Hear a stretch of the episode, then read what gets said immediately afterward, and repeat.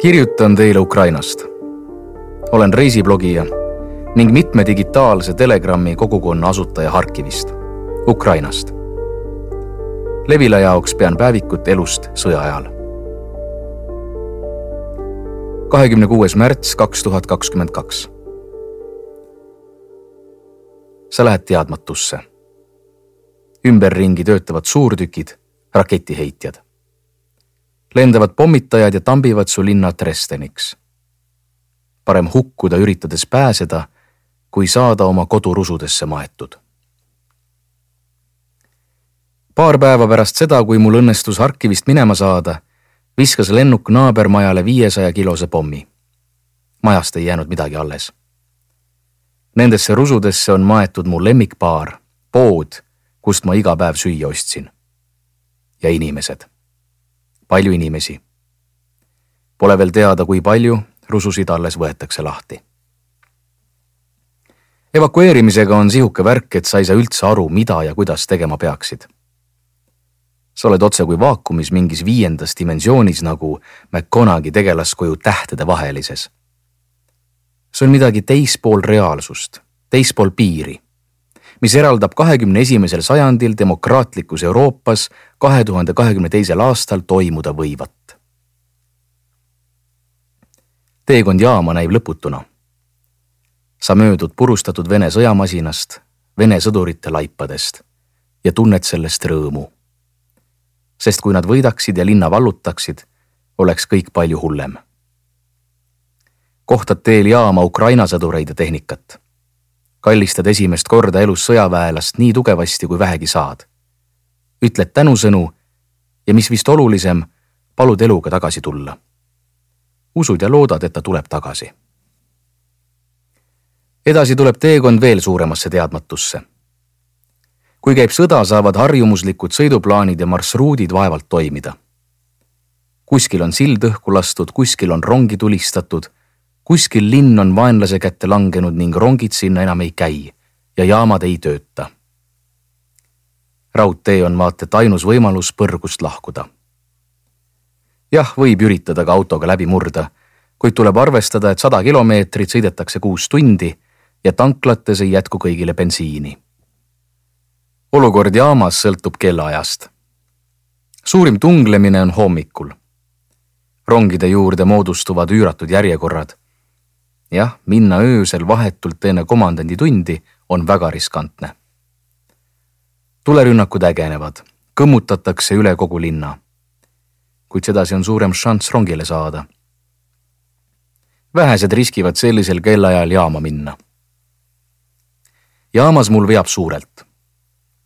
esiteks kohtan seal muusikutest sõpru, teiseks ootame rongi kõigest nelikümmend minutit hüppame Odessa rongi peale ning meil lubatakse Poltavani tasuta sõita. Nata ja Ilja suunduvad sõprade juurde Lubnõsse. see on üks väike linn Poltava oblastis. nii et Poltavani on meil kindlalt ühine tee. vagunis istume teiste noorte juurde. neljased kupeed on kogu rongis kuuesteks muutunud, mis pole muide sugugi kõige kehvem variant. mis peamine, me lahkume Harkivist see teadmine toob mingi seesmise rahu. minu korter oli juba Vene raketiga hävitatud, Nata ja Ilja korter oli veel terve. paar päeva hiljem, kui meie teed on juba lahku läinud, tuleb Iljalt sõnum. meie korter sai ka pihta. jah, veel üks korter, veel üks helluse, hoole ja armastusega loodud kodu. loodud kõige sellega, mis on venelastele arusaamatu ja tundmatu. evakuatsioonirong sõidab väga aeglaselt. teekond, milleks tavaliselt kulus kaks tundi, venib nüüd nelja-viie tunni pikkuseks. peamine, mida tunned sellel hetkel, on ühtekuuluvus. kõigil on sama mure, sama eesmärk, põgeneda surma, verd, purustusi ja kannatusi toova Vene maailma eest kõik jagavad teistega toitu, sest korraga ei mäleta keegi, millal ta viimati sõi. ning see rongi turvalisuse hetk näib olevat just paras kehakinnituse võtmiseks. külmad kalapulgad pole iial nii hästi maitsnud. odav pakitee on neis oludes parem ükskõik kui peenest piimasest oolongist. sa hakkad hindama väga lihtsaid asju. kui banaalselt see ka ei kõla, kuid raha ei ole peamine ning vanasõna sada sõpra on parem kui sada rubla muutub sügava tähendusega täidetud lauseks. kahju, et selle täielikuks mõistmiseks oli vaja sõjal meie tuppa trügida. mäletan, kuidas sõbrad Donetskist ja Luhanskist rääkisid, et nad võtsid kaasa minimaalse hulga asju, kuna arvasid, et ei lähe kauaks, et nädala pärast on nad kodus tagasi.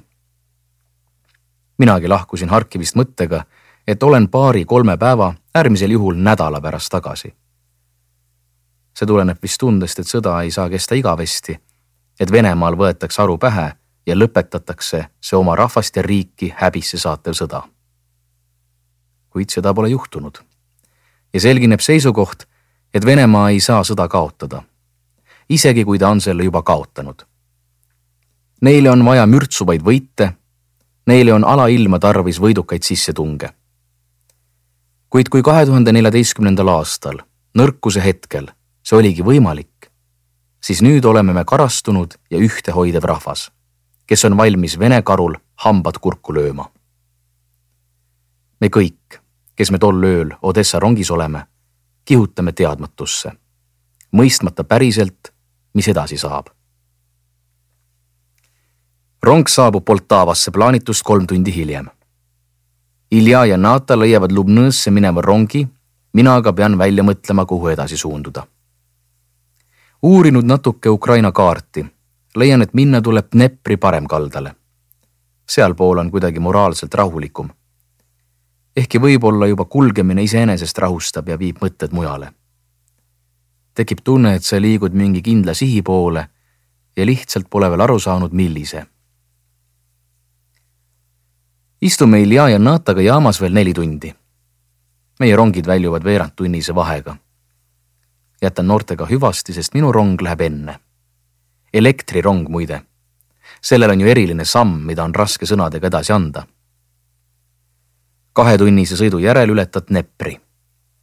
istun ümber teisele elektrirongile ja sõidan Ukraina keskossa. ja täpselt sel hetkel, kui olen juba Ukraina lääne ja ida vahel, mõistan, et pean tagasi minema.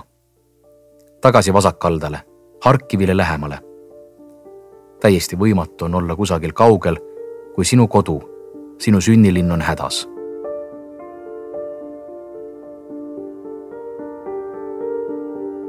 autor Taras Kovaltšuk, tõlkis Veronika Einberg.